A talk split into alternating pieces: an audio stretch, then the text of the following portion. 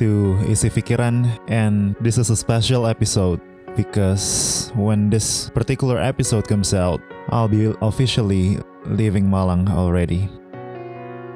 Mengakhiri perjalanan yang udah aku mulai dari bulan Agustus 2015 sampai berakhirnya pun tepat di bulan Agustus 2020. Dan aku masih ingat pertama kali aku menginjakan kaki di kota Malang untuk menetap ya. Itu tanggal 25 Agustus turun dari kereta Gajayana di stasiun Malang Kota Baru. Disambut dengan keramaian ojek-ojek, tukang beca, taksi, terus patung singa Arema. Dan ketika langsung menuju ke tempat tinggalku di daerah Tlogomas waktu itu ya.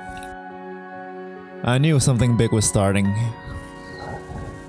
Suasana yang baru, orang-orang yang baru, hal-hal baru yang aku kerjain juga gitu. Dan ternyata benar, setelah lima tahun berlalu tanpa terasa gitu ya, dengan segala hal yang sudah dijalani, aku nggak menyesali sama sekali keputusanku untuk akhirnya berangkat ke kota Malang. Bahkan kalau misalnya di trace ya, secara sejarah, sebenarnya aku udah merasa attached ke kota Malang ini jauh sebelum aku berangkat ke Malang untuk benar-benar menetap gitu ya. Aku udah mulai merhatiin Malang itu mungkin sejak 2009-2010 ya. Ketika waktu itu Arema Indonesia jadi juara Liga Indonesia gitu. Sejak itu aku lebih sering merhatiin Arema dan juga baca-baca sedikit lah ya tentang Kota Malang gitu. Sejarahnya, terus yang ngelihat gambar-gambarnya kayak gimana sih gitu ya. Tapi ternyata di tahun 2015 aku membuat keputusan untuk mendaftar kuliah ke sini. Awalnya juga memang sebenarnya bukan pilihan pertama sih. Tadinya aku sejujurnya mau ke Jogja, mau ke UGM gitu ya, ke jurusan geofisika. Tapi ketika mau daftar, ternyata temanku yang rankingnya lebih tinggi tuh ada yang daftar juga gitu di jurusan yang sama, di kampus yang sama. Ya karena pengen memperbesar peluangku gitu kan. Ya ketika ngeliat di Brawijaya ternyata ada jurusan yang sama juga nih, teknik geofisika gitu. Terus kalau diperhatikan Oh ya geografinya di Malang juga kan sekitarnya banyak gunung-gunung gitu ya, kayak Gunung Semeru, Gunung Bromo dan lain-lain. Terus peralatannya juga memadai lah secara di jurusannya, sehingga akhirnya ya udahlah daftar ke Brawijaya aja gitu. Apalagi ada Arema juga ya kan, bisa sekalian nonton bola Kanjuruhan. Ya kalau aku akhirnya ke Jogja mungkin aku nggak akan pernah ya nonton bola di Kanjuruhan gitu atau di Gajayana. Itu berkesan banget sih. Datang pertama 2015 terus tinggal di Tlogomas Tlogomas bahkan bukan Tlogomas kali ya itu mungkin belakangnya terminal Landung Sari gitu jatuhnya tapi justru itu yang membuat aku lebih kenal dengan seluk-beluknya daerah-daerah pedalaman di Malang ini ya. Karena karena tinggalnya jauh, otomatis jalan-jalan kecil pun aku tahu gitu.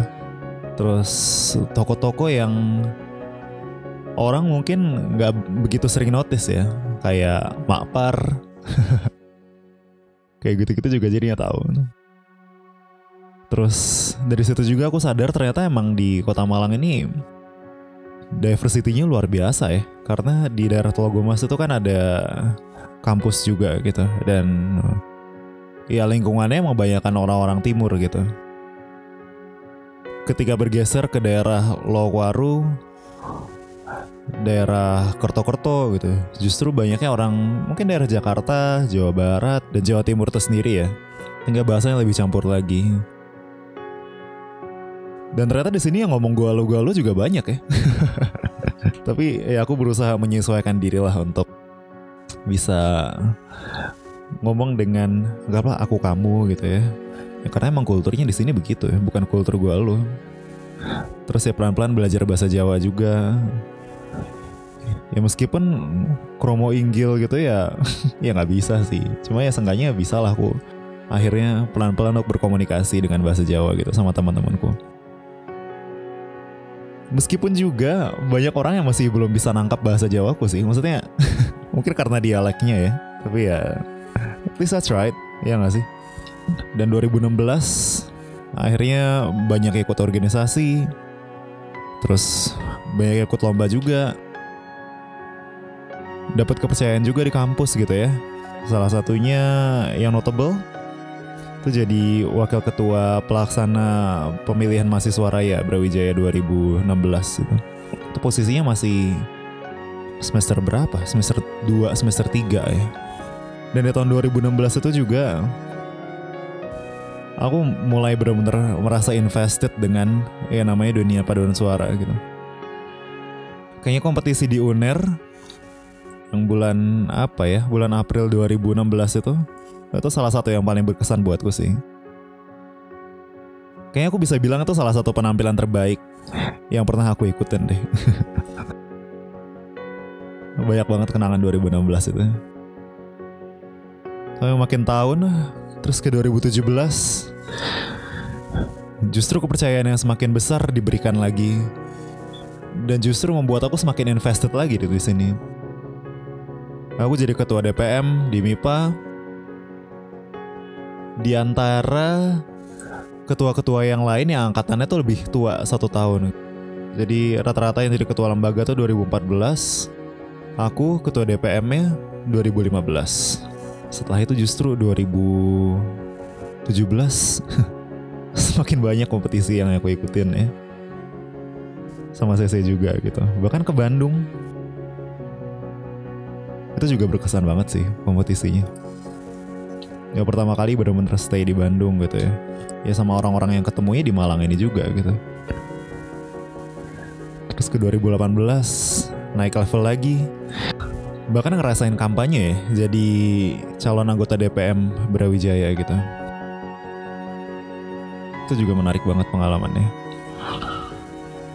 2018 itu pula aku memutuskan untuk daftar Kakang Bayu Kota Malang aku nggak tahu apa yang ada di pikiranku waktu itu sebenarnya.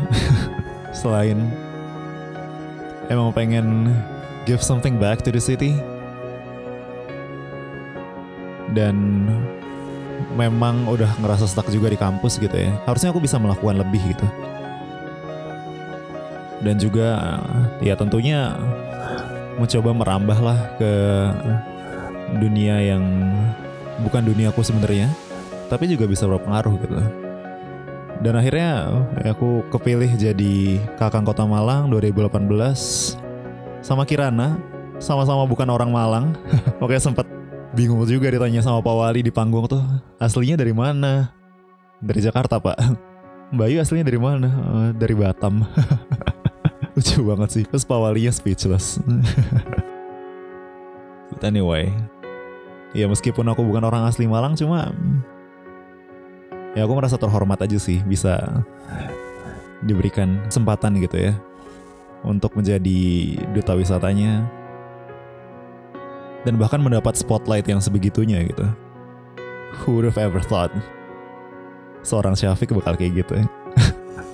Little did I know, ternyata kalau menang Kang Yu itu ya otomatis berangkat ke Raki gitu.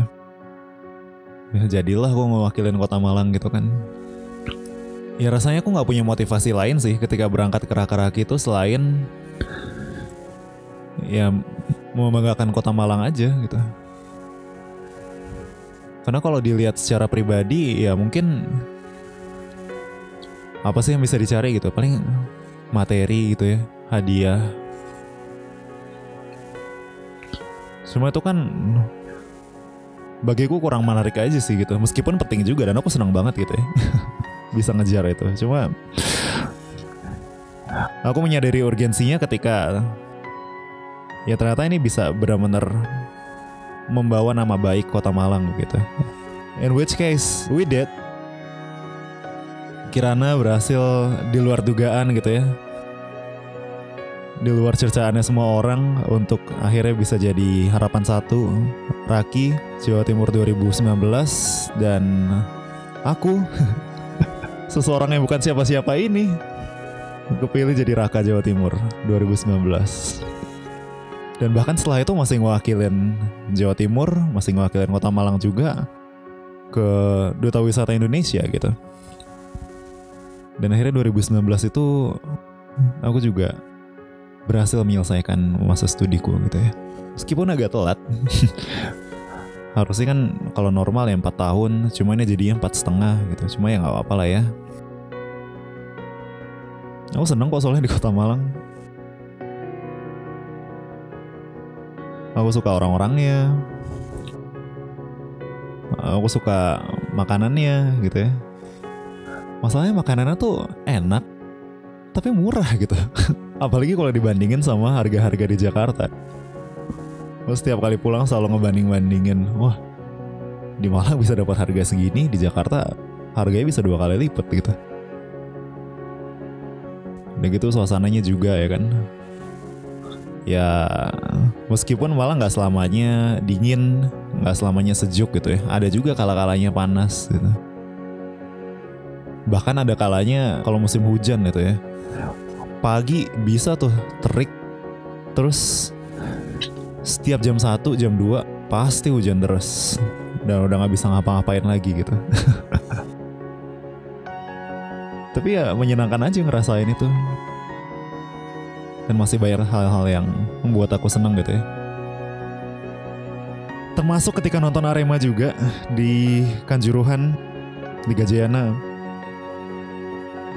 Kayak beberapa match yang paling notable menurutku itu ketika lawan Sriwijaya ya 2015 itu bener-bener rame. Kayak full pack deh tuh stadionnya. Mungkin 35 ribu orang kali ya di situ. Nyanyi bareng satu stadion. Terus sama-sama cheer up untuk golnya Fiskara waktu itu. Aku inget banget. Bahkan padahal aku nggak dapet duduk waktu itu. Saking penuhnya. Terus di Gajayana juga sempat sekali ya. Sama Katupa nonton pertandingannya Arema lawan Mitra Kukar pertandingan 0-0 sih. Cuma dengan ukuran stadion Gajayana yang sekecil itu, terisi penuh, mungkin 15 ribu orang kali ya. Itu bener-bener ngerasain yang namanya nyanyi bareng dan stadion geter. Gara-gara orang loncat-loncat. Udah gitu ngeliat berbagai perubahan kota Malang gitu ya. Dari yang sebelumnya, ya bisa dibilang dari sisi kampusnya aja gitu, Brawijaya. Gedung-gedung tingginya tuh belum terlalu banyak gitu Sampai kayaknya semua fakultas sekarang udah punya gedungnya masing-masing yang pencakar langit gitu. Terus muncul tempat-tempat baru kayak Jatim Park 3, Burger King, Starbucks, Transmart ya kan. Tapi yang paling notable pastinya orang-orangnya sih. Orang-orang Malang tuh apa ya? Kayak mereka tuh keras gitu ya karakternya. Tapi baik. dan mereka bisa menggunakan bahasa yang kebalik-kebalik itu walian itu. Itu unik banget sih. Dan tentunya juga orang-orang yang membersamai aku ketika di kampus ya. Di CC di kami di DPM dan di tempat-tempat lainnya lah. Di Kangyu di Rakaraki just feel like I'm gonna miss everything, you know? So, in this particular case, I just want to thank you, Kota. I think I've grown so much in here, more than I've ever imagined. You know, you simply just raised me up to be more than I can be. And I really, really am thankful for that. Well, there's so many things I could still do in here actually. Well, I got my first job in here anyway, in 2020. I work in the radio, I work in the TV, it's fun. And I wish I could have given something back more, you know. But perhaps someday. Because I'm sure and I'm hoping that we'll see each other again someday. And this is not a goodbye, I think, but just until next time, yeah. I shall never forget you, Kota Malang. And you just mean so much to me. So once again, thank you.